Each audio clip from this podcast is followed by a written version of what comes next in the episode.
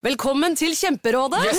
Denne gangen har vi fått inn et kjempedilemma fra en familie. Okay. Jeg leser Hei, vi er litt uenige i familien her. Mm. Hvis du skulle vært et dyr, ville du hatt gjeller eller vinger? Oi, den er tricky. Ja, hva ville dere hatt da? Altså, jeg vet ikke, men Med familierabatt får du ubegrenset data fra Telenor fra 399 kroner. Da kan du scrolle seg til svaret, rett og slett. Ja, ok, Men for min del Ja. gjelder. Nei, nei, Nei. nei, vinger. Nei, nei, gjeller. Ja, okay, ja, kjempebra. Men eh, se nye mobilabonnement på telenor.no, da. Hei, kjære lytter. Jeg har en kjempenyhet. Vi lanserer Ut av skapet sin egen kleskolleksjon. I kolleksjonen Du kan komme ut til meg, har vi laget stilrent hverdagstøy med et lekent og inkluderende budskap. Målet med kolleksjonen er å inspirere og skape dialog, samtidig som du føler deg som en million kroner i høykvalitets hverdagsklær du kan bruke igjen og igjen. Sjekk ut Ut av skapet sin Instagram-konto for hele kolleksjonen med både hoodies, T-skjorter og morsomme munnbind. Og du, alt overskudd av denne kolleksjonen går til å produsere den nye sesongen av Ut av skapet, så handler du, da bidrar du, og det setter vi enormt pris på. Nå starter podkasten, så kos deg. Hilsen fra Sølve og resten av teamet.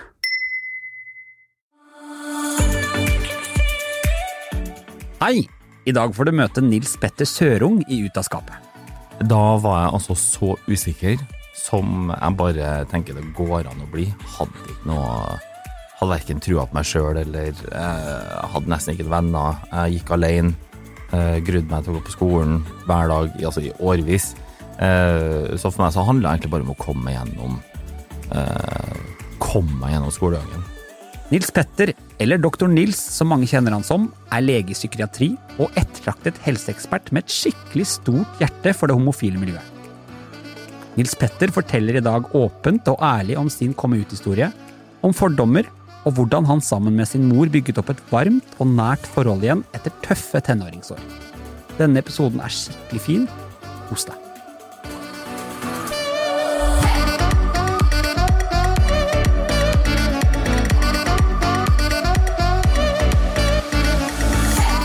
Velkommen i studio, Nils Petter. Tusen takk. Det er veldig godt å se deg igjen. Likeså. Hvordan har du det? Travelt. Ja, fortell. Hvorfor er det travelt nå? Eh, det er ikke travelt nå, det er travelt hele tida. Så jeg skal egentlig slutte å si det, for at eh, det, det er egentlig normen for meg. Men eh, det er fint. Jeg trives jo med å holde på med, med mye forskjellig. Så Hva jobber du med om dagen? eh, ny jobb. Eh, så nå jobber jeg i, fortsatt i psykiatri. Spesialiserer meg der til å bli ferdig i, som spesialist. Da. Så da eh, er det som overlege, faktisk. Eh, så den er jo litt spennende å gå inn i den rollen også. Så det blir eh, ja, masse nye pasienter å sette seg inn i. Så det, nå tar jeg ting på strak arm. eh, Ja, jobber i Bærum. Er det første det runde som eh, overlege? Ja. Er det, fortell meg, hvordan, hvilken rolle har overlegen i liksom teamet av helsepersonell? Bestemmer alt. Gjør du det? Nei, altså, men, men jeg står da som ansvarlig eh, lege da i forhold til medisiner, og så har vi en del pasienter på tvunget psykisk helsevern, så da trengs det en overlege som eh, signerer på sånn vedtak, som dette. Hvordan type overlege er du? Eh, en raus overlege, håper jeg. så, eh, men altså eh, det er jo på en måte, Vi jobber jo i team, så eh, det er jo ikke sånn at det er som får hjulene til å gå rundt. Men eh, skal holde et lite tak bak, da. Og, men også tett på med pasienter. Så får jeg kjøre litt hjem til pasienter og møte dem der de bor, og det syns jeg er veldig stas. Ah, Ja. for, I tillegg til at du er eh, veldig aktuell på gulvet i den jobben du er, så er du jo også aktuell med ny nettside. ja. Fortell om det. Du, eh, jeg laga jo eh, Jeg er veldig sånn glad i å lage ting sjøl, så jeg laga jo den første nettsida for to og et halvt år siden. Eh, og så ble jo den sånn som den ble, eh, og så har jeg kjent at i løpet av den tida jeg har eh, holdt på med Dr. Nils, så merka jeg jo litt mer at den ikke har kanskje eh, resonnert helt i det som jeg syns at det skal være nå. Jeg Hva var utgangspunktet da? Utgangspunktet var nok mer sånn eh, Jeg tenkte å ha det litt mer eh, på sånn opplysningsbasis og litt mer sånn eh, Jeg tror nesten at jeg, jeg var litt sånn Jeg vet ikke helt hva jeg skal bli, men nå bare setter jeg i gang, og så bare gjør jeg noen ting, og så kaller jeg det sånn, og så blir det formatet her. Og så eh, endrer jo ting seg underveis, og ting oppstår, og jeg får nye ideer, tanker og innspill, og så merker jeg at det er litt annet format. Jeg vil spisse det mer. Og så har jeg kjent veldig på det der med eh, lyst til å ta tilbake mer av måte, den ærligheten og eh, mer fokus på min sårbarhet, eh, min historie, det at jeg er homo. Eh, jeg har lyst til å nå ut til den gruppa som jeg er mest opptatt av. Og ikke så bredt, da. Det ble, det ble for bredt. Jeg Kanskje. leste en bok med sånne bedriftssuksesser, og der sto det at de beste selskapene i verden de lanserer på 80% 80 av ferdig produkt. Det er en suksessoppskrift, fordi at da får du tilbakemeldinger, og så jobber du hele veien. Ja. Sånn at eh, du er egentlig på, riktig, i riktig, eh, på vei i riktig retning. Ja, men så fint. Da noterer jeg det. Tenker jeg. Jeg bare skyter det ut der, sånn at du ikke glemmer det. Ja, men det er fint å høre. Du har fortalt meg at du er veldig glad i homomiljøet, og at du gjerne vil tilby hjelp og oppfølging til de. Hvorfor, eh, hvorfor det? Det er jo eh, For det første så er jo det noe som er veldig personlig for meg. Eh, sånn at jeg har jo, har jo min, eh, min utvikling eh, som person og det å være homo.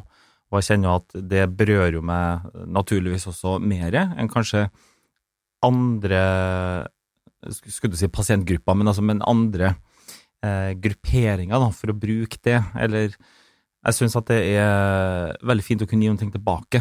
Jeg har en del erfaring, livserfaring, og så har jeg jo da, etter å ha jobba en del år som lege og i psykiatri og psykisk helse, og seksuell helse for den saks skyld også, sånn at jeg ser at det er en del ting som jeg tror og håper at jeg kan bidra med tilbake. Eh, Sånn at det kanskje ikke blir fullt så vanskelig for alle dem som vokser opp nå, eller som er like gammel, eller som, eh, ja, som er ute der og hører eller ser på. Har du noen fanesaker som er viktige for deg? Ja, det var et godt spørsmål. Heis flagget. Ja, men hva, hva mener du med det? Og det å, å tørre å være ærlig med seg sjøl, det er jo skitvanskelig. Ja. og det, det krever jo eh, masse, og det er ofte en lang prosess. Men kanskje det også Det å tørre å være ærlig med seg sjøl i en verden som man kanskje ikke er helt sikker på vil godta det. Og ikke være så opptatt av at alle skal like en, tenker jeg. Fordi vi kan ikke bli likt av alle. Og er litt sånn Da litt tilbake inn på sånn med det med um, homokampen også, som er helt uvurderlig, og bøyer meg i støvet for det alle andre har gjort før, og sånn vi eh, er godt tjent med nå. Eh, og så tenker jeg samtidig at eh, det vil være meninger og ytringer og sånn som vi bare ikke eh, har noe kontroll over, men vi skal fortsette med det vi gjør. Men eh, kanskje ha fokus på at eh, vi er eh, opptatt av å akseptere oss selv, og så får andre velge å gjøre det hvis at de ønsker det, men eh, i hvert fall at vi blir tolerert, da. Kjenner du at det å være en del av homokampen er blitt viktigere som, nå som du er blitt litt eldre? Det henger nok sammen med, med det òg, og så, og så merka jeg jo veldig sånn Jeg var jo ikke interessert i historie på skolen. Nei. Ah, det var så tørt og kjedelig fag. Eh, og så merker jeg liksom med alderen at ja, historie begynner å bli mer og mer spennende, men da med sånn selektivt på det som jeg merker liksom har betydning for en sjøl, da. Kanskje steder man reiser, så blir jeg mer opptatt av historien der jeg reiser, og så selvfølgelig din egen homohistorie blir også mer og mer viktig, merker jeg med alderen. Når var første gang du kjente på annerledeshet i forhold til det å være heterofil? Jeg tror ikke jeg har noe sånn ett tidspunkt, nei. Men eh, altså, kanskje tilbake så kan jeg liksom legge sammen eh, to og to, og se liksom Ja, ok, men det Når jeg sto liksom og kikka på guttene spilte fotball på barneskolen, jeg som overhodet ikke var interessert i fotball, så handla nå kanskje ikke det om fotball. men om at Det er veldig relaterbart. ja, det var liksom kanskje litt fascinerende å se på at guttene spilte, uten at jeg hadde noe peiling da på hva det handla om. Mm. Ellers så øh, ble jeg jo veldig sånn slengt i trynet da, og så kan jeg ikke huske på når, men i hvert fall på ungdomsskolen. Ja, da var det jo mye med slengbemerkninger og om femi og homo og alt det som eh, hørte med der. Hadde du, når du fikk slengt dette i trynet på ungdomsskolen, hadde du da reflektert over at du kanskje var skeiv eller homo? Nei. Aldri? Ikke som jeg husker, nei. Så det, det føltes jo ganske brutalt, egentlig, fordi for det første så Jeg bare tenker liksom, her var jo på Når var det da? Eh, liksom Tidlig, tidlig 90-tallet, og jeg hadde jo ikke internett ennå, og var ingen forbilder, var ingen som åpne, hadde ikke noen referanser på en måte hva det betydde, bortsett fra at det åpenbart var noe negativt. Og noe eh, mindreverdig, og noe utenfor, da. Så det ble veldig sånn bevisst for meg at det er et eller annet på meg som andre ser, eller merker som jeg ikke helt skjønner hva er, og som er tydeligvis veldig synlig, og som jeg ikke klarer å forholde meg til. Kan du nå i voksen alder se de tingene som de så? Har du, kan du tenke tilbake på at du kan forstå hvorfor de tenkte at du var homo? Altså, dette handler ikke om å, eh, ikke å ufarliggjøre på en måte slengbemerkninger og drit av mobbing, men jeg Mm. bare, har du reflektert rundt det at jeg var kanskje litt sånn, eller?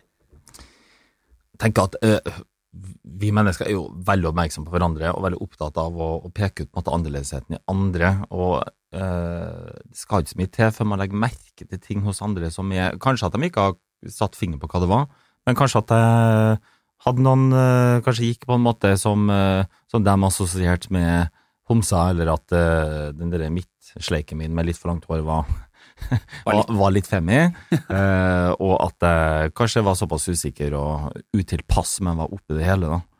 Eh, så det var mm, Og at jeg ikke sto imot. Klarte ikke måte å stå opp for meg sjøl i det hele tatt. Og det, det har jeg kjent på sånn ettertid, det der, var nesten litt sånn faen.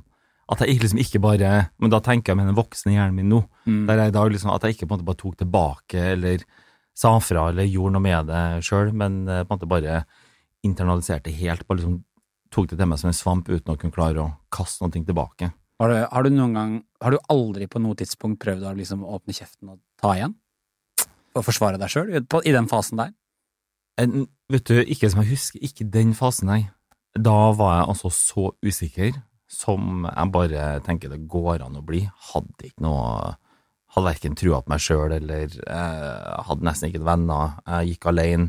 Eh, grudde meg til å gå på skolen hver dag, altså i årevis. Eh, så for meg så handla det egentlig bare om å komme meg gjennom eh, Komme meg gjennom skolegangen. Hvordan er det for en ungdom å stå, leine, stå aleine i det i en sånn komme ut-prosess? Ja, det er jo fryktelig ensomt, da.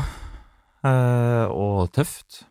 Så um, Så det Jeg kjenner jo at i hvert fall for min del så ble det jo en sånn eh, berging av det å klamre meg liksom til håpet at ok, men eh, om eh, så så lang tid, da skal jeg begynne på videregående, og kanskje ting blir annerledes da. For at da skal jeg på videregående, og da blir det liksom omrokering av eh, For på ungdomsskolen så hadde jeg jo med meg på en måte alle dem som kjente meg fra barneskolen. Så liksom alle de følgegreiene der, sant, med at jeg følte at jeg liksom hadde et stempel. Man, man blir jo liksom plassert sosialt, Mm. og jeg følte at jeg klarte aldri å plassere meg noe ordentlig i noen gruppe. Jeg følte meg alltid annerledes enn alle andre. Og så, og så ble jo det veldig tydelig kanskje da på ungdomsskolen hva den annerledesheten var. Og så var nå kanskje det noen ting som kanskje andre også merka på barneskolen, uten at nødvendigvis de kanskje merka at det var det, fordi at jeg var homo, men at det var et eller annet med Nils Petter, da, som var litt annerledes enn dem. Jeg veit ikke. Hvor gammel var du når du Altså, eller husker du noen spesiell situasjon, kanskje, hvor du kom ut til noen, eller kan du huske at det var noen som var den første personen du fortalte det til, eller kanskje at noen stilte deg spørsmålet, du Nils Petter, er du homo? Jeg husker jo veldig godt når jeg sa det første gang, ja. Ja, fortell. ja. Du vet, det første gang var til Det var til en kjempegod venninne meg. Eh, det Da var vi Må jeg tenke meg om eh, Jo. Jo, jeg mener bestemt Ja, det var i Brasil, altså på reise, sånn backpacking, med en venninne av meg. Eh, og mora hennes eh, er lesbisk.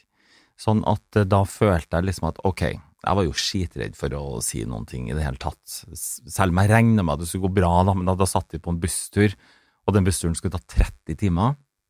Så jeg tenkte jeg, da er vi jo stuck her, og et eller annet må jo vi snakke om. Og her er det liksom tid og rom for de lange, dype samtalene. Ja, ja. Så sa jeg et eller annet som at du, eh, kjære Ninde, jeg lurer på om jeg kanskje kan være bifil. det var jo nå den duren her. Jeg sendte ut en liten føler. Ja, ja. Og så smilte hun, og så sa hun til meg Nils Petter, du er ikke bifil, du, vet du, du er homo, du. Og det takla du Så sa jeg ja. Men da hadde jeg liksom fått den bekreftelsen. Ja. akkurat, og var det litt sånn godfølelse når du fikk den responsen tilbake igjen? At hun på en måte bare Det der vet jeg. Ja, for meg var det bare sånn kjempelettende. Jeg bare, ok, da, da virker det som at hun liksom har skjønt noen ting, og at her kan vi på en måte bare bygge videre på. Det var ikke noe sjokk. Det var mer sånn, da kan vi begynne. Da kan jeg for første gang snakke åpent, åpent da, om det her. Klarer du å huske den følelsen av å ha fortalt det til noen? Eh, til hun eller til andre, Ja. Hvordan det opplevdes for deg? Var det sånn ti kilo av skuldrene, eller var det Ja. Eh, altså, det, det er jo forskjellig eh, Det er jo mange måter man Eller mange tidspunkt, da, med å fortelle til andre. Mhm. Det er jo liksom en lang liste man skal gjennom, som eh, med veldig forskjellige følelser til hver. Til hun så var det egentlig ganske eh, Føltes relativt naturlig. Eh, jeg har ikke noen sånn opplevelse av at det var noe sånn ekstremt emosjonelt. Ikke da. Nei. Det har vært det siden, men, eh, men du, så gikk det jo kjempefint. Er det Vi snakker jo Ja, altså hele komme ut-prosessen er jo Den er så unik for hver enkelt, og jeg syns det er så Mm. fint det du sier at eh, det er viktig å huske at det er veldig stor forskjell på at det å skulle fortelle det til noen. Det er veldig stor forskjell på hvem man sier det til, og noen betyr mer enn andre, og noen er litt mindre, noen får, bare, blir bare plumpa ut av det. Men har du opplevd, er det noen mennesker rundt deg som har måttet endre holdningene sine når du kom ut som homo? Uh, ja. Uh, det er jo sikkert flere enn dem som jeg er klar over også. Men eh, altså, jeg fortalte jo til eh, Jeg sa det for- for etter Brasil, da, bare for å hoppe litt dit, for, at, eh, for å fullføre Brasil. Altså, det, var en sånn veldig sånn befrielsesreise. For jeg husker for at Vi skulle være i tre måneder, og så sa jeg det til vennene mine, og så var liksom alt i orden. Så jeg, ok, nå kan jeg liksom bare på en måte få Dette var i begynnelsen av turen? Ja. Ah, ja. Så da eh, Da kunne hun være en sånn person som jeg kunne ha som referanse. Både til at det her skjer, og som kan både være noen som jeg kunne eh, spare med underveis når jeg skulle liksom begynne å utforske og eh, gå på homoklubbene der, og, og på en måte liksom bare slå tårer, da. Var det første gang du var på homoklubb? Ja. Nei! Nei? Nei, Nei? nei, nei. nei. Har du drevet og sniket litt rundt før det? Ja, det var jo i, i Trondheim, da, så var det jo gamle eh, Det het Remi den gangen, Mm. og så skifta han til Metro. Eh, der snek jeg meg inn eh, før jeg hadde lov til det, altså. Jeg tror jeg var 16, nei. Sannsynligvis nei, 16, ja. Det var ikke så viktig med ID-kort den gangen. Nei. Altså, de er ganske rause. De bare så hva, her kommer det en stakkars tenåring, slipp den inn. Jeg har jo pratet med deg i forkant av denne podkasten, og du har eh, nevnt to personer i familien som har vært litt ekstra eh, viktige for deg, på forskjellige områder for så vidt. Og du nevnte søsteren din. Mhm. Eh, hvilken betydning har eh, søsteren din hatt i kommuteprosessen din? Åh, det meste. Altså, hun har vært et anker for meg, og vi har, eh, vi har vært veldig nære helt siden vi var liten. Er det storesøster? Storesøster. Ja. To og et halvt år eldre enn meg. Mm. Ja, for jeg er helt nøyaktig. Så hun, og jeg snakka med henne faktisk nå nettopp igjen, eh, bare sånn hvordan det var for hun og hva hun husker fra den gangen. Eh, bare for å få litt bekreftelse også at jeg husker det rett, da. Men uh, hun fortalte jeg det til. Uh, da var jeg Herregud, hvor stressa jeg var. Ja, for, for da skulle liksom inn i familien. Det var liksom, En ting er sånn trykk liksom til venninne som du vet ikke sier det videre. I. Brasil på andre siden av jorda? Ja, altså hun var norsk, men, men uh, allikevel, jeg visste liksom at hun kommer ikke til å si det til noen. Men liksom når du sagt til søstera mi, så skjønner jeg liksom at da, nå er jeg i er gang her, nå, er liksom, nå skal det skje videre. Da blir neste liksom mamma, pappa og så videre.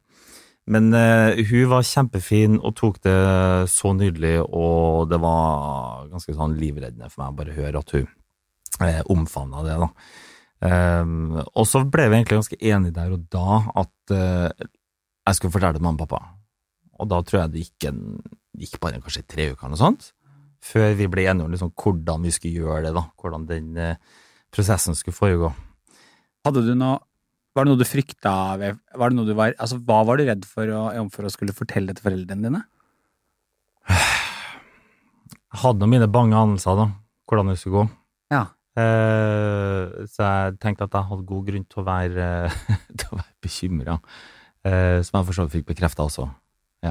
Men har det med at du har ikke hørt ting opp igjennom uh, oppveksten din at eh, homo ikke er greit, eller er det Ja, så jeg liksom prøvd å tenke litt, for det er jo liksom sånne, det er sånne småting, sånne subtile ting. Jeg kan liksom huske på eh, bare kanskje at det var noe program på TV, så sitter liksom familien og kikker på TV-en, ikke sant? Ja. Og så var det kanskje et eller annet om eh, noen som var homo, eller homofile, og barn. Eh, ikke sant? Her er på 90-tallet, og hvor liksom da diskusjonen etter programmet ble sånn det der at Nei, homofile bør jo ikke få barn, og de har jo ikke rett til det, og det her, her er unaturlig, og det, og det er sånn og sånn. Sant? Og det lytter man jo med sånne svære ører på, ikke sant, når foreldrene sier sånne ting. Spesielt hvis man vet at man er liksom, kanskje er De der. Ja, hypersensitiv, ikke sant, så plukker liksom opp de tegnene underveis, hvordan er egentlig holdningene her. Og, og så selvfølgelig så kjenner jeg jo foreldrene mine eh, veldig godt, da, og gjorde jo det allerede også den gangen, så jeg hadde en sånn hadde en formening om hvordan det her skulle gå. Taklet de det ulikt? Ja. Hvordan taklet faren din det? Kjempefint. Ja. Eh, aldri vært noe Har liksom aldri vært noe ubehagelig for meg med å snakke med han om det. Vi har ikke snakka så fryktelig mye om det, men han på en måte man bare tok det Jeg tror jeg aldri har sett den så emosjonell før i hele mitt liv, Åh. og det var ganske sterkt. Hva, hva, mener, hva mener du? Eh, litt sånn typisk eh, mann av sin generasjon, på en måte vokste med en grin i, ikke sant? Nei. Nei. Jeg tror alle har sett den eh, på gråten før, men da, da sprakk den, altså. Og det var, men på en sånn fin måte. Han var på en måte bare veldig omfavnende og eh, reise seg fra sofaen og ga meg en klem, og, og var på en måte veldig bekreftende. Så de klemmene er noen av de beste? Åh, ja, det var Det var intenst. Ja. Det var en veldig intens dag. Det Jeg snakka med søstera mi og bare Hvordan var det egentlig? For jeg, jeg satt liksom på jeg satt på badet rett før liksom, at vi har liksom staged det her. At liksom, ja, det skal skje noe. ting, og Jeg vet jeg snakket med søstera mi, og hadde jo snakka med prepa-foreldrene mine at liksom, i kveld så har Nils Petter noe veldig viktig at han skal fortelle. Eh, ikke sant? Og da så Jeg var jo så, jeg var så stressa og helt utlada hele den dagen her. Utlada selvopplevelse? selv-opplevelse? Ja, eller den kom på badet, egentlig. For da, da hadde vi liksom vært ute og vært til besteforeldrene mine og, og spist eh, middag, og det var liksom bare helt sånn Jeg klarte nesten ikke å være til stede, for det, det var en så tenn stemning rundt bordet. Alle følte litt på hva som skulle skje, men ingen sa noe om det. Så det var Nei, jeg, det, var, jeg har aldri opplevd så intense følelser i mitt liv. Det, er jo liksom sånn der sånn, eh, sånn fødselsprosess. Motvillig. Sånn at eh, jeg husker at jeg satt på badet med, med søstera mi og bare kollapsa. Det er liksom da mamma og pappa satt klar på stua, og de skjønte liksom at nå skal Nils Petter komme ut og si et eller annet veldig viktig. Eh, så da, da bare kollapsa jeg fullstendig i oppløsning, altså. Jeg tror jeg var grein og rulla på gulvet, var bare helt hysterisk. Men hvorfor var du så hysterisk? For jeg vet ja. ja, ja. Nei, altså, det var um, Jeg tror jeg var bare så enormt eh, skamfull over no, Kanskje ikke helt Jeg vet ikke liksom hvor mye jeg aksepterte sjøl den gangen, men bare sånn, hadde sånn enorm behov for anerkjennelse. Eh, og kjente at eh, jeg klarer ikke å leve livet med å skjule ting lenger. Jeg hadde liksom bygd opp med med over så lang tid å bygge opp historier og løgner om hvor jeg hadde vært, hvem jeg har vært sammen med, hva jeg har sagt til den, hva jeg har sagt til den, hva har den snakka med den, da vet kanskje dem at og så videre, sant, prøve å holde kontroll på alt det der, og livredd for å bli avslørt, og livredd for å ikke bli akseptert hjem, da. Og det um, blanda med skam og med at jeg bare syns det var et, noe med selvhevdelse, tror jeg. Det tror jeg kanskje var sant, Jeg hadde jo liksom aldri klart å stå for meg sjøl. Barneskolen, ungdomsskolen med mobbing, eh, alt sånne ting. Og så kommer liksom øyeblikket hvor jeg skal liksom bare virkelig hevde meg sjøl og bare føle at jeg egentlig ikke er rett til det. Samtidig som jeg skjønner intellektuelt at det har jeg, men følelsesmessig så følte jeg det heller. Og så bare følte jeg meg bare så fortapt at herregud, nå skal liksom hele livet mitt avgjøres av det derre øyeblikket her, da. Så jeg syns det er veldig fint det du sier akkurat med at eh, vi bygger jo ofte i den komme ut-prosessen et sånn luftslott rundt oss selv, Ja. og masse løgner, og vi har hele tiden sendt ut hvite løgner, bare sånn 'Å, jeg skal være hos en venninne i kveld', eller Mm. Um, Eller man har vært inn Man har prøvd å ha forhold med jenter, ikke sant, fordi man skal liksom skjule at man er homo, og så plutselig Mm. kommer det the, uh, the big moment, uh, hvor bare man tenker at de som hører på, kommer nå til å se at jeg har løyet i mange år. Ja. Det er jo ikke rart at det er eh, litt overveldende. Nei. Og jeg tror um, Jeg tror det var Jeg tror jeg skamma meg en del òg, altså. Jeg, jeg vet ikke, nesten. Det, det, det var så mye Det var så mye at jeg klarte ikke helt å, å forholde meg til det sjøl. Det var første gang i mitt liv, en av liksom to ganger, jeg følte at jeg går ut av meg sjøl. Sånn dette her er så intens at jeg ser meg sjøl litt utenfra. Vi, vi har snakket litt grann om faren din, mm. eh, men jeg vet at foreldrene dine taklet dette veldig ulikt. Ja. Har du lyst til å fortelle litt om eh, mamma? Sier du mamma, mor? Sier mamma. Mamma, ja. Ja. Jeg skal begynne med, å si at eh, mamma er et fantastisk menneske, og vi har et kjempegodt forhold eh, nå. Det har vi hatt, det har vi hatt i mange år. Så, så eh, men, men det har jo vært en prosess, da. Eh, det var ikke like enkelt eh, å fortelle til hun.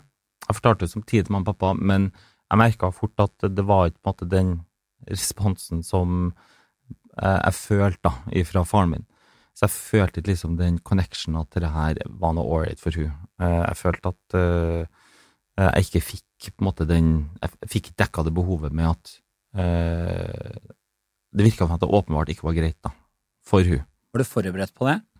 Ja. Jeg tror derfor jeg grudde meg sånn også. Jeg visste at det der ble vanskelig. Um, og så var det liksom veldig mye paradokser i det, for jeg visste liksom at hun uh, Hun har jo jobba med masse homser i hele sitt liv, og, og vet liksom veldig godt hva det er. Men samtidig så merker jeg at det er et eller annet med Jeg tror kanskje mange foreldre opplever det når det er på hjemmebane, litt det med at ja, men jeg er så åpen og jeg er så inkluderende og jeg kan alt og vet alt, og det der er null stress. Og så slår det strike home run, så kanskje det er litt sånn at det var kanskje ikke så greit allikevel, da. Jeg så akkurat en veldig morsom enepisodes dokumentar på Netflix om et eh, voksen par som driver en bokbutikk. Har du hørt om den? Ja, Ja, og jeg lurer på om den nettopp så jeg. ja, eh, Circus? ja Circus of Books Ja, sånn. Circus of Books, ja. Og da, det syns jeg var så spennende. Det er da et ganske godt voksen par som driver en, eh, en bokbutikk, en bokhandler, eh, over flere Mm. år, men som egentlig er et skalkskjul for en pornosjappe. Det er jo det det er. Og så, eh, og de driver denne her som Det virker jo som et ganske religiøst par. Eh, og så driver de dette som et skalkskjul som en pornosjappe med mye egentlig homse og lesbeporno, sånn jeg Mm. forstår det. Og så har de flere barn, og så viser det, og så kommer en av barna deres ut som homofil, og det takler ikke hun. Nei. Og og det var så spesielt å se, og det er litt det samme. Hvorfor tror du foreldre sliter som med Hvorfor kan de i utgangspunktet være så rause og inkluderende utad, men når det blir så nært og personlig, så setter man liksom opp gjerdet? Mm. Ja. Har du prøvd å noen gang sette deg i moren din sin, for det tipper jeg du har gjort? Ja, og masse, masse. Ja. Og det, jeg tenker, hadde ikke jeg gjort det, så hadde ikke vi kommet til å snakke sammen i dag. Nei. Nei. Sånn at eh, for min del tenkte jeg vi må klare på en måte å få til en relasjon, men, men jeg, jeg følte at det var eh, veldig mye på grunn av at jeg ville ha den relasjonen, hadde behov for det, og jeg visste jo det at det vil hun også ha, men jeg ser at dette her er så eh, ubehagelig for hun, eh, og, og at eh, jeg da var opp gjennom årene, på en måte, fordi det var veldig mye Det ble sagt og gjort ting som eh, som, eh, ja, som har satt dype spor, for å si det litt forsiktig. Det, men tingene at det har vi, det har vi snakka om i ettertid, men jeg, men jeg kjenner at det har jo vært det har jo vært veldig vanskelig for meg å forholde meg til at For jeg har jo møtt på veldig mye aksept, da. Jeg føler meg veldig heldig at på en måte veldig mange av de liksom de, de demonene og frykten liksom på en måte før jeg kom ut, og alle de på en måte historiene jeg liksom spilte i hodet mitt, hva som skal skje med hvis at jeg velger å være åpen, og alle katastrofene som jeg tenkte, eh, de færreste av dem skjer jo, Eh, og det har vært kjempefint å på en måte få bekrefta at det skjedde jo ikke helt tatt tvert imot, men at det skulle bli eh, på hjemmebane, at det skulle være tøffest, den, den syns jeg har vært tung. Og det har, det har preget meg ganske mye. Hva slags Det er Ja, jeg syns det er veldig Det er eh, tøff prat, men det er en veldig fin prat. Hva gjorde du og moren din eller mamma for å takke, for å finne ut av dette? Hvordan bygde dere opp en relasjon igjen? Altså, vi, vi snakka vel om det liksom flere ganger i løpet av de første årene. Altså, jeg var vel, jeg tror jeg var 19 da jeg kom ut. Eh, og så gikk det jo noen år, og vi hadde, vi forsøkte vel liksom å få til en sånn felles dialog om det, men eh, jeg i hvert fall husker at det ble liksom ganske fort avbrutt, for jeg merka at det ble bare for kleint. Så at, men, tenkte du at det var litt overfladisk?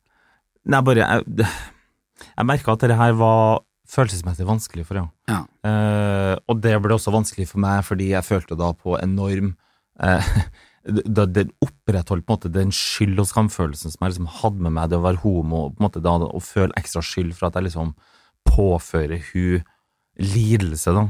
Noen ting som jeg ikke kan noe for, og det å liksom, og, og samtidig å ikke få på en måte noe av det jeg har behov for tilbake fra hun som mor. Føler liksom at jeg klarer ikke å forholde meg til noen ting så lenge at ikke hun klarer å forholde seg til det. Så selv om jeg ser at hun prøver, og hun vil og hun ønsker, ser all godheten i det, men det må du bare klare ikke. Og det, det syns jeg er veldig strevsomt å liksom navigere med, hvordan all verdens slags relasjoner vi skal ha. Eh, men vi, vi hadde en kjempefin oppgjørsprat. For jeg merka at jeg hadde eh, jeg, ble, merka at jeg ble liksom sint på for veldig sånne småting i, i etterkant. Og, og, jeg, og jeg var veldig klar over hvorfor jeg egentlig ble sint. Mm. Og så følte jeg kanskje var litt sånn dårlig gjort også, på en måte, for jeg merka at du ble forvirra, at herregud, hvor dårlig humør du er og sånne ting. Så jeg nei, jeg er ikke i dårlig humør, men jeg er sammen med deg, og da skjer det ting.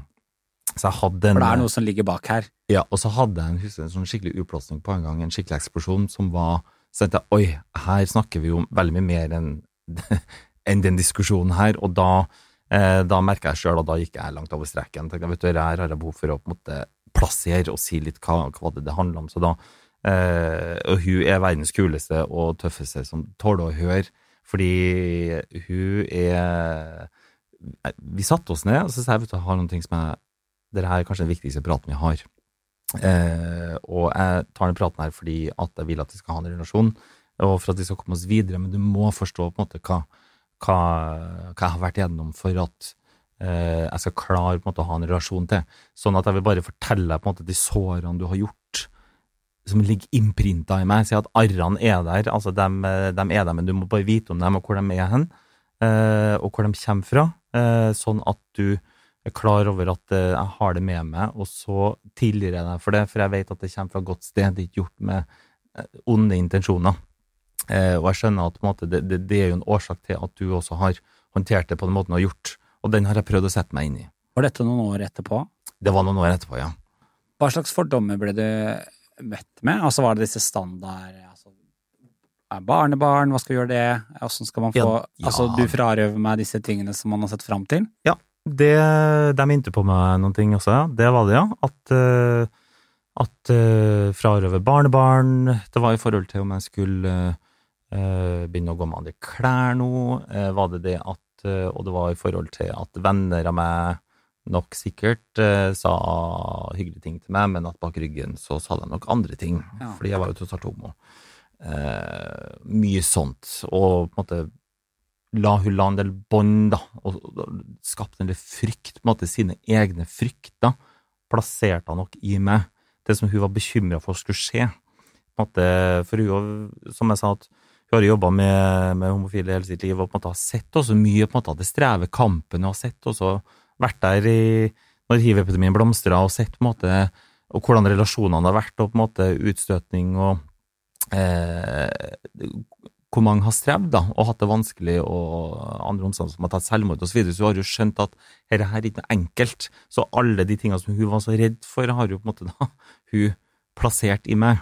Som jeg tenkte at ja, men dette her er ikke jeg noe bekymra for, kan ikke du bare la meg få lov å Kan ikke du bare stole på meg? Og nå, er det, nå nevner jo du noe som kanskje mange av lytterne våre ikke er klar over, men da på 80-90 så var det jo det du sier med hiv-epidemien. Mm. Den, den uh, skapte jo enormt mange fordommer, Mm. og veldig mye frykt. Og jeg Masse frykt. enormt mye frykt, altså selvfølgelig internt i miljøet, men Mm. også for de som var familie, venner, alle, alle som hadde noen som var berørt. Mm. Så eh, generasjonen over oss tror jeg også har mange av fordelene sine for at de har vært igjennom Mange av det kan kjenne på det fra den perioden. Mm. Man tenker jo, det, sånn som du sier, du sier det jo veldig fint, at du innser nå, etter noen år etterpå, at dette kom kanskje fra et sted av kjærlighet, et, et, en frykt for at du ikke skulle ha det bra fordi du var homo. Ja, og du gjorde det ikke kanskje heller, det, det er jeg sikker på. Ja, ja. Det vet jeg.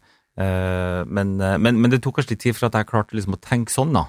Først måtte jeg liksom bare komme over måte litt sjokk og det sviket som jeg følte, at jeg ikke fikk den anerkjennelsen. Men, eh, men så begynner man å tenke litt, og så ble jeg litt mer voksen inn i 20-årene og skjønte at ok, men la meg prøve å forstå det her ut ifra hennes perspektiv. Og da ble det veldig mye lettere for meg å kunne klare å kjenne at vet du hva, det er ikke noe sånn sagt at um, det står ikke skrevet noe sted at jeg trenger å tilgjøre her, og det trenger jeg slett ikke å gjøre, men, men eh, da taper vi jo begge to, da. Eh, så jeg tenker at jeg kan godt liksom være sta og, og si at vet du, det her er utilgivelig og uh, vil ikke ha noe med å gjøre, men jeg tenker, men altså, hva i all verden skal vi med det? Så på en måte med å så se på en måte den andre fra den sitt perspektiv, og at ok, når du kommer ut som homo hjem, så starter det også en prosess i de andre som de ikke kanskje har hatt enda, som man har hatt selv, med seg sjøl i flere år. Mm. Og endelig på en måte er du klar, og så sier du sånn er det, så starter du en annen prosess enn andre som de også få lov å ha. Um, og så tar jo det sin tid.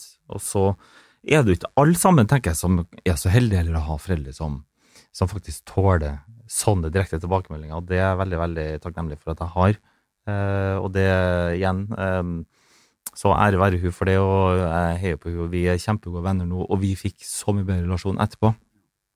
Jeg er veldig glad for at du sier akkurat dette her med at man noen ganger må gå ut av seg sjøl og se saken fra den du prater til sin side, fordi at eh, Jeg syns det er et utrolig fint det du sier med at de må også få dems komme ut-prosess. Mm. Og vi, når vi kommer ut, vi har jobbet med det i mange år, til noen kanskje siden barndommen, Mm. noen senere, og sånn er det. Og, og når man kaster det i ansiktet på noen, så det er, det er en ganske voldsom ting. Det er en Mm. ganske voldsom ting, så man må dessverre, kan man si, være forberedt på at ikke alle bare reiser seg opp og gir en klem. Noen må jo prosessere litt og tenke Mm. gjennom også. Er det Jeg vet at det mest sannsynlig sitter potensielle foreldre og sånn og hører på denne podkasten. Ja. Håper det. Ja, det håper jeg òg, virkelig. Um, er det noe råd du vil gi til de, hvis, hvis de skulle komme i den samme situasjonen og, uh, og møte et barn som er homofilt eller skeivt? Hva hadde gjort det bedre for deg? Hvordan ville du blitt møtt den dagen? Ja. Um, jeg tenker at noen ting Altså For det første, hvis man klarer på en måte å sette seg selv uh, i det øyeblikket litt til side, og bare uh, på en måte omfavne det som skjer, uh, og tenke at dette her må være det vanskeligste barnet mitt noensinne kommer til å gjøre, og, og si akkurat det her nå. Og så vil jo dukke opp en del følelser og kanskje savn og sorg i en sjøl. Det er kjempenaturlig. Naturlig.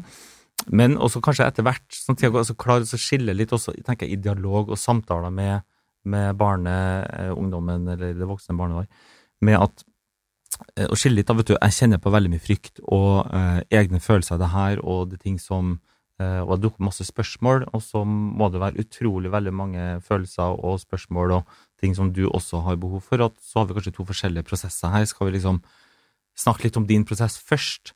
Eh, for at det er så viktig for meg å forstå din prosess. Ja. Eh, og så, hvis at du vil, eh, så hadde det kanskje vært fint for meg at jeg også fortalte litt hva jeg kjenner på her, og så kan vi liksom eh, se om vi klarer å forstå hverandre, så at vi kommer oss gjennom det her på en sånn så fin måte, for at vi vil jo det beste for hverandre, og, eller hva man nå sier, da, men at man kan skille litt på det.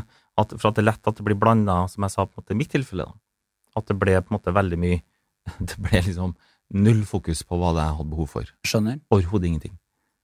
Det er eh, Ja, og jeg syns det er så fint, og du nevner jo det, og det kan jo være Nå er jo vi bitte Vi er jo bitte litt grann eldre. Ikke mye, men bitte litt grann eldre. Ja, Hva godt du sa. Bitte litt, ikke mye. Eh, og så er det jeg er veldig som glad for å bli eldre. Ja, vet du hva, alternativet er mye verre.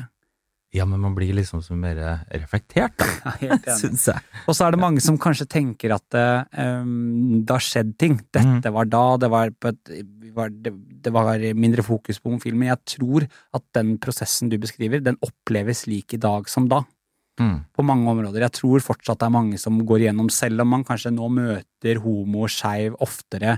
Det snakkes om det med tidligere ungdomsmiljøer, det er flere som kanskje kommer ut på tidligere tidspunkter. Så tror jeg det er fortsatt viktig å forstå at den interne kampen Mm. en som er skeiv og skal stå fram, gjør, den er fortsatt ganske lik. Ja, og som du sier, sant? og det er forskjell på hvor man også befinner seg i landet, hvis at vi snakker om Norge nå, da. Så, eh, og det er på en måte, dette handler om alt på en måte det som er da, enten de store overskriftene der ute, eller på en måte de små subtile, bagatellmessige slengkommentarer, eller innspill, eller når man er på fest. Ikke sant? Eller i garderoben, eller hvor det er. Altså man, og når du merker at det er et eller annet som resonnerer i deg med kanskje er homo, eller skeiv, eller hva for noe, Mm. eh, så er du hypervar for det andre eh, si, gjør eller tenker. Og det kan godt være at man ikke tenker over det her, at de eh, har noen onde intensjoner, men det, det, det ligger fortsatt igjen, og det er en prosess som hver og en som oppdager at man er noe annerledes enn hetero, går gjennom mutters alene. Eh, ofte i veldig mange år, og det er eh, det er utrolig mye som skjer i løpet av den prosessen, og det, det er så mye strev, og det å finne retning, og det å plassere ting, og det å forstå seg sjøl, liksom, og da liksom ikke ha noen sparringspartnere i det, er jo utrolig eh, vanskelig. Så det har kanskje blitt litt lettere i dag med, med internett og media. Man kan være anonym, man kan ringe hjelpetelefoner osv., sant? Men, eh, men allikevel. Ja. ja. Ja, her er du god, Nils Petter.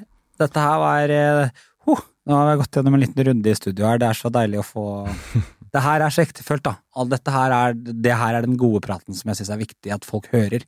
Er Jeg kjenner jeg svetter det Ja. egentlig. Det, at det vekker jo følelser, fordi sånn er det jo.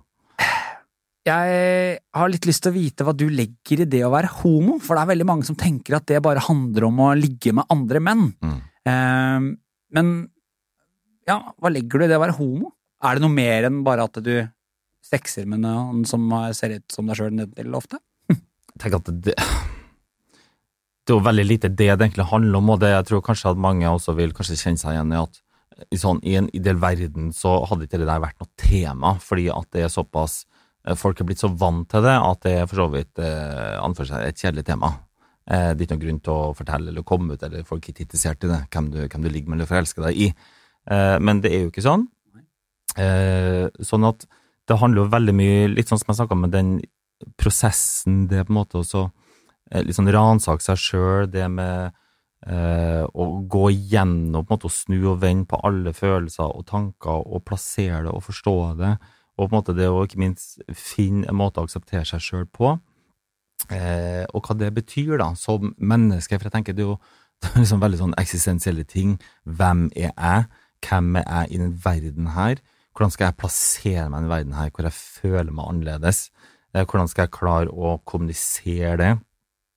Hvordan eh, skal folk møte meg, og hva, eh, hvordan skal livet mitt bli på en måte når jeg eh, velger, eller hvis jeg velger å være åpen? da? Sånn at jeg tenker at det å være homo handler jo veldig mye om å kanskje kommunisere noe om at man har kommet fram, på tross veldig mye, i et heteronormativt og heterofavoriserende samfunn, eh, så har man på tross hadde jeg klart å eh, komme fram til både anerkjennelse og aksep- aksept for seg sjøl, eh, og at det er mer det for meg, da. Jeg kommuniserer at jeg er homo. Jeg er ikke liksom interessert i å si at ja, bare så du vet det, så ligger jeg med andre menn. Det, det er liksom ikke det jeg mener med det. Jeg mener at da eh, jeg føler meg trygg på meg sjøl. Jeg vet faktisk hvem jeg er. Jeg har virkelig tenkt gjennom hele livet hvem jeg er. Kanskje mye mer enn andre kanskje har fått lov til å bli, tvunget til å finne ut, da. Ja, jeg Det er du som gjorde meg bevisst på det, for jeg har jo vært der litt selv, at jeg har tenkt at ehm, eh, Jeg har tenkt at det er det nødvendig å definere det lenger? Alle bare tenker at det er ikke så farlig hvem du ligger med. Men så har jeg også sett det at jeg ofte Det at jeg er homo, har gjort mer med meg. Mm. Jeg sto tidlig, egentlig ganske tidlig trygt i hvem jeg er, og hvor jeg ville hen. Eh, Jeg, vil opp- jeg opplevde selv at det at jeg var gjennom en komme ut-prosess, gjorde at jeg eh, tidlig ble litt voksen. Mm. Eh, fordi at jeg allerede i tenårene måtte begynne å faktisk reflektere om over akkurat hvem er jeg, og hvem vil jeg være. Så det å være homo, det er liksom Ja, det er mye mer enn hvem du ligger med. Og nå merker jeg at for meg, da, så er det en sånn tittel jeg er litt sånn stolt av. Ja, Er det lov å si så det? bra. Ja, selvfølgelig. Jeg er jo veldig stolt av det sjøl også. Og så merker jeg også at eh, det skjer en endring i samfunnet. Jeg merker at eh, man nesten kan, hvis man forteller da, at man er homofil, så er det også noe eh, Det begynner å bli en større forståelse blant mange. Spesielt, jeg er heldig og vanker i miljøer hvor det er akseptert. Så er det nesten sånn at de også ser på det litt som en sånn der Så bra. Mm. Da har du oppnådd noe. ja, for, for, for det handler jo Jeg tror liksom at dette her er kanskje ikke ting som eh, For å kalle det de heterofile, for å kalle det eh, tenk over, og det er ikke så rart heller, så jeg syns derfor det er litt sånn ålreit å si det, at um, det, sier, det at jeg sier at jeg er homo, sier veldig mye om historien min og hva jeg har med, og at det kanskje gjør meg til et uh, Det forklarer kanskje en del av min sårbarhet som menneske også, og at jeg kanskje vil være litt ekstra var på enkelte ting, og har vært gjennom ting, og jeg tenker at det er utrolig mange som eh, selv om man kommer ut og er åpen, og, og man for så vidt møter en form for aksept for det, så kan det allikevel bety at man kanskje kjenner seg en som kanskje strever litt mer enn andre med kanskje noe til å tørre, eller å stole på andre i forhold til det å be om hjelp, eller det å eh, tørre ting. For, eh, for eh, det, det skjer jo veldig mye på en måte i en sånn fase av livet hvor man er veldig i rivende utvikling, spesielt kanskje i tenårene, når man kanskje begynner å skjønne det. Eh, og da er det eksempel med vanskelige følelser som man kanskje ikke har fått plassert helt ennå, som er med kanskje litt sånn underbevisst er med å styre litt i forhold til den retninga du da velger som voksen. Eh, kanskje er det noen noe sårbarheter der, kanskje er det noen eh, noen følelser som er med å drive deg kanskje i noe enten uheldig retning, eller i noe mønster som, eh, som gir deg eh, kanskje ikke alt det du føler behov for, Nei. men at man kan forklare det litt ut ifra For du har vært gjennom såpass mye, og alene, at uh, Fordi det er jo uh, Det er jo ikke å stikke under stol at uh, at flere i, i homomiljøet, eller det skeive miljøet, har også litt mer enten rusproblemer, Ja. psykiske helseplager, eh, eller andre typer atferd som kan ses på som litt uheldig. Ja. Altså i forhold til selvivaretagelse, da. Fordi de har vært igjennom større tørner, tenker du? Ja. ja. Det er en veldig er litt akkurat det. Jeg har en historie. Og nå var skyte inn at nå, eh, til fare for å bli misforstått, det var ikke noe moraliserende når jeg sa uheldig atferd. Det var det ikke. Jeg er veldig opptatt av at man ikke skal peke finger. Og det, Nei, men det er ikke nødvendigvis moraliserende når du kommer med noe som er sannheter. Nei, men, da tenker jeg litt i forhold til at eh, også pasienter som har hatt som homo, og som kan fortelle meg litt om i, i fortrolighet på legekontoret, Ja. eh, hva de gjør på en måte i, på kveldene hjem, eh, hjemme alene eller i helger, og, og, og sier liksom at dette her, her gjør jeg, men eh, jeg er ikke så happy med det. Nei. Jeg vet ikke helt hvordan jeg skal eh, endre. Nei. Mm. Jeg satt med to venninner og, og koste meg med bobler her for litt siden. Ja, sa, ja, det er deilig, vet du. Og så, så Typisk homo. Typisk homo. Gullhomo. Og så satt vi, og så sa jeg bare sånn fleipete til hun ene venninna Jeg skjønner ikke hvorfor vi er venner. Og så sier hun andre venninna det er fordi at du er homo. Og da, hun, eh, og da svarte hun som, eh, så godt hun som jeg sa det til, for hun sa det at eh, det er eller, Jo, det er fordi du er homo, men det er ikke fordi du er, bare fordi du er homo. Det er fordi at du som homo er flinkere til å ha følerne ute og se hvordan jeg har det. Ja. Og det syns jeg var så Det var jo sånn jeg bare litt sånn påsteila da, så kjente jeg mm, det var hyggelig. Mm. Men jeg kan kjenne på det at veldig mange av de eh, skeive som jeg kjenner rundt meg, de har ofte følerne ute hele tiden. Fordi de har kanskje i ungdomsårene vært vant til å gå litt på alerten for å måtte Ja. forsvare seg, eller hele tiden ta opp signaler. Og det, den egenskapen tror jeg vi tar med oss som voksne, veldig mange også. Helt klart. Jeg kjenner det jo sjøl også. Altså sånn, prøve å jobbe med å liksom ikke fokusere så mye på andre, for jeg merker at det er en refleks. Mm. Hva tenker alle andre rundt meg nå? For eksempel det å skulle holde en annen mann eh, i hånda på gata, kjenner jeg faktisk det er, en, det er nok en utfordring for meg. Kanskje litt større enn det jeg eh, er villig til å innrømme, men eh, desto større grunn til å utfordre meg sjøl, da. Jeg har enda ikke gjort det. For jeg tenker, Da blir jeg så bevisst på hva alle andre tenker og mener, og leter etter blikket deres, og igjen da leter etter bekreftelse.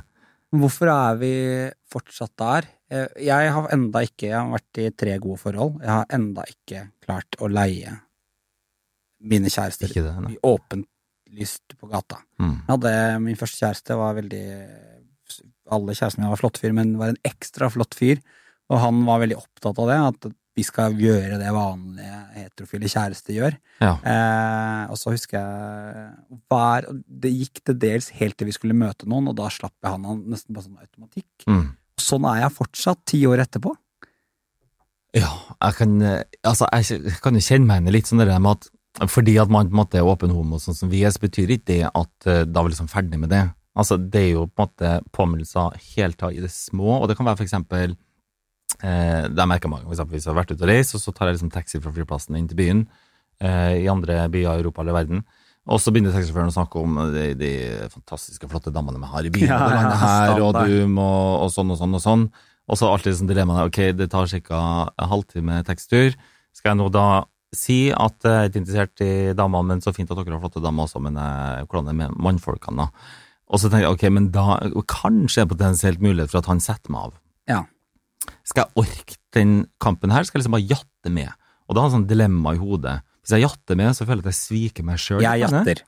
Ja, og jeg jatter mer enn jeg sier det. Men, Ja. men, men det er jo sånn analyseringa der og da av situasjonen, så er liksom hele tida Det er jo i sånne små drypp hele tida. Vurdering, liksom, hvor mye er det verdt det? Og det blir tenkt kanskje litt sånn med å holde hånder i offentligheten. Vil jo bare ha det fint og liksom og slappe av og ikke stresse med noe. For det å holde hendene for meg, da, det handler jo ikke noe om å vise, kjærl altså vise kjærlighet til de andre. Det handler jo bare om at eh, det er en god intimitetsgreie. Mm. Det er utrolig koselig å holde hender, enten man sitter på sofaen hjemme, eller det er bare en sånn gest til kjæresten din, liksom. Ja. Nei, så jeg tenker at eh, for min del i hvert fall så, så handler det om sånne ting. Jeg vil liksom bare ha det bra. Orker ikke noe sånne orker ikke noe kommentarer eller noe blikk eller noe et eller annet, for jeg kjenner at det tar liksom litt tid å riste av seg. Tror du Tror du samfunnet trenger å se det mer?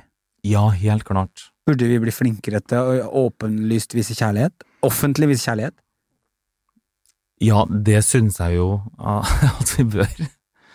Syns det. Jeg, jeg tenker at også er det jo det hele tatt balanse med hva, hva samfunnet også er klar for. Altså, er noe med Ting tar tid, da. Mm. Og så tar nok ikke ting eh, Ting tar nok lengre tid enn det vi kanskje ønsker at det skal ta.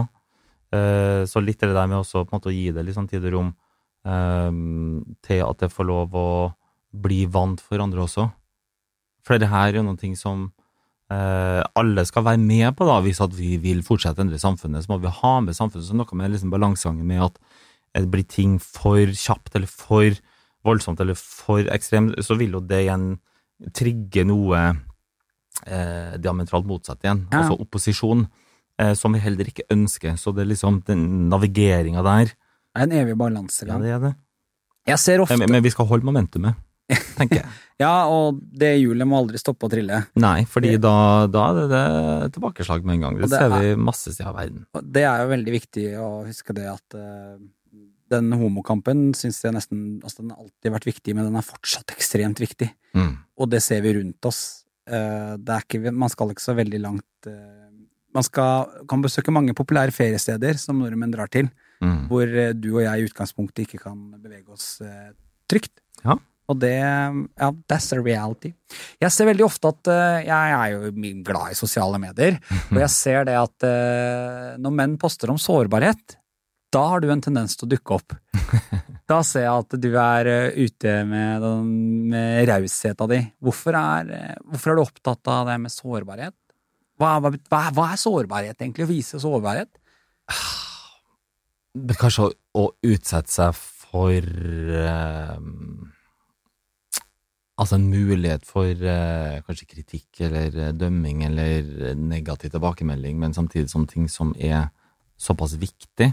Eh, og for meg så handler det om at jeg eh, Jeg har jo tatt mange runder med her ved meg sjøl. Liksom, ok, hvor Bare i forhold til det Skal vi snakke om det her i, i poden her? Er det greit for meg? Eh, fordi det betyr noen ting. Det er jo min historie, og den er jo veldig personlig. Samtidig som jeg tenker at det er jo på en måte historier vi lærer av. Sånn at historier må også fram. Og så blir det den balansen her med hvor mye jeg villig da til å utlevere, og hvor mye vil jeg holde privat. Men sårbarhet for meg handler også om å vise at jeg også er et menneske, og jeg er ikke ikke perfekt, og ikke har jeg alt på stell, og ikke får jeg til alt heller, eh, som kanskje jeg har en tendens til å vil framstå som, Ja, ja. som kanskje har litt å gjøre med det vi kompenserer for. Eh, å vokse om som homo, og, og kompensere med å, å vise liksom at vi får til. At vi er så vi er suksessfulle og flinke, og vi, vi ordner opp, og vi stiller opp, og vi, vi er liksom den gode samtalepartneren, og vi, vi ordner de beste middagsselskapene, og vi, vi er det beste til liksom å reise og hurre meg rundt. Alt er ti av ti.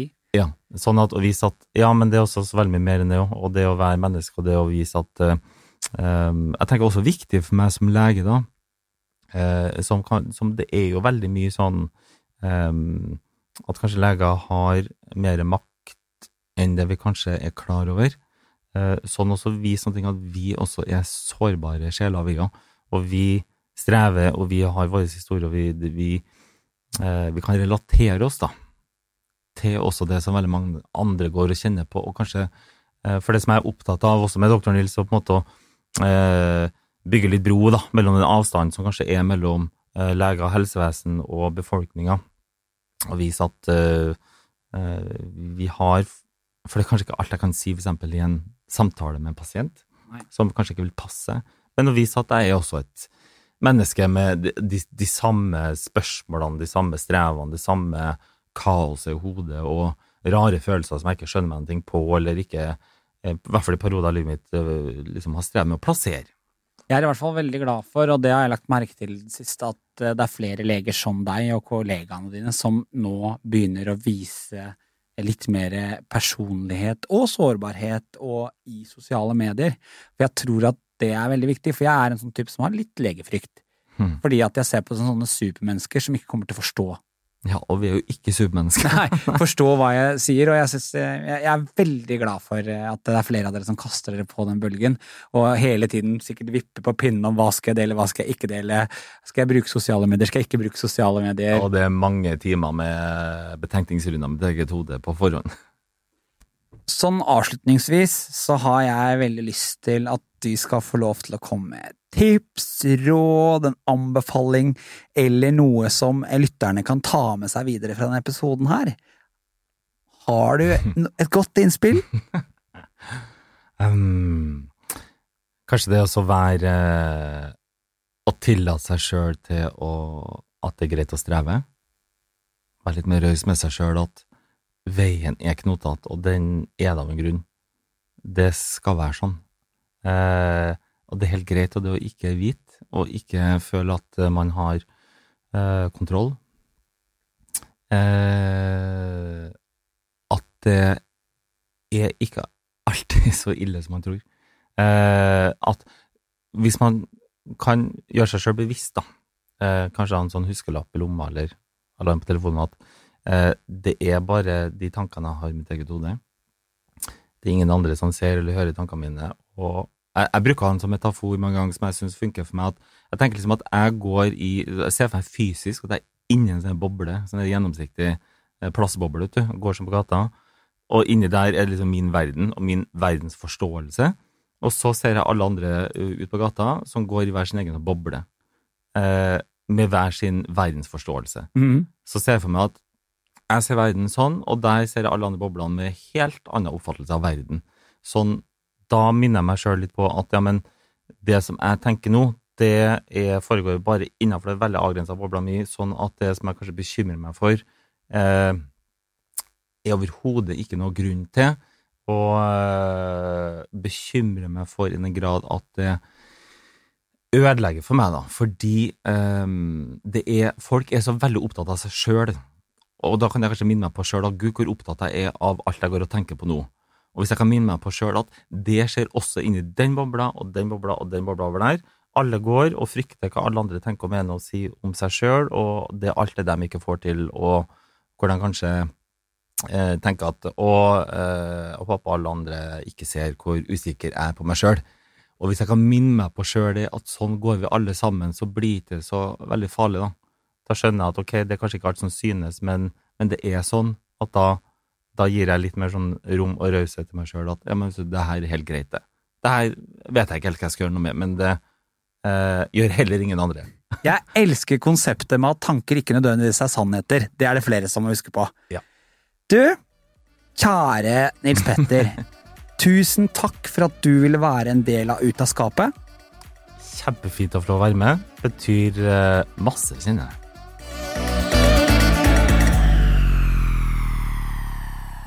Takk for at du hører på podkasten Ut av skapet. Det betyr mye for mange. Informasjon om dagens gjest finner du i episodebeskrivelsen. Sjekk alltid ut fine folk på sosiale medier. Denne podkasten er helt avhengig av deg, så er du glad i Ut av skapet, del om du lytter, og rate oss gjerne der du kan rate podkast. Jeg gleder meg skikkelig til nye skeive historier neste uke. Vi høres!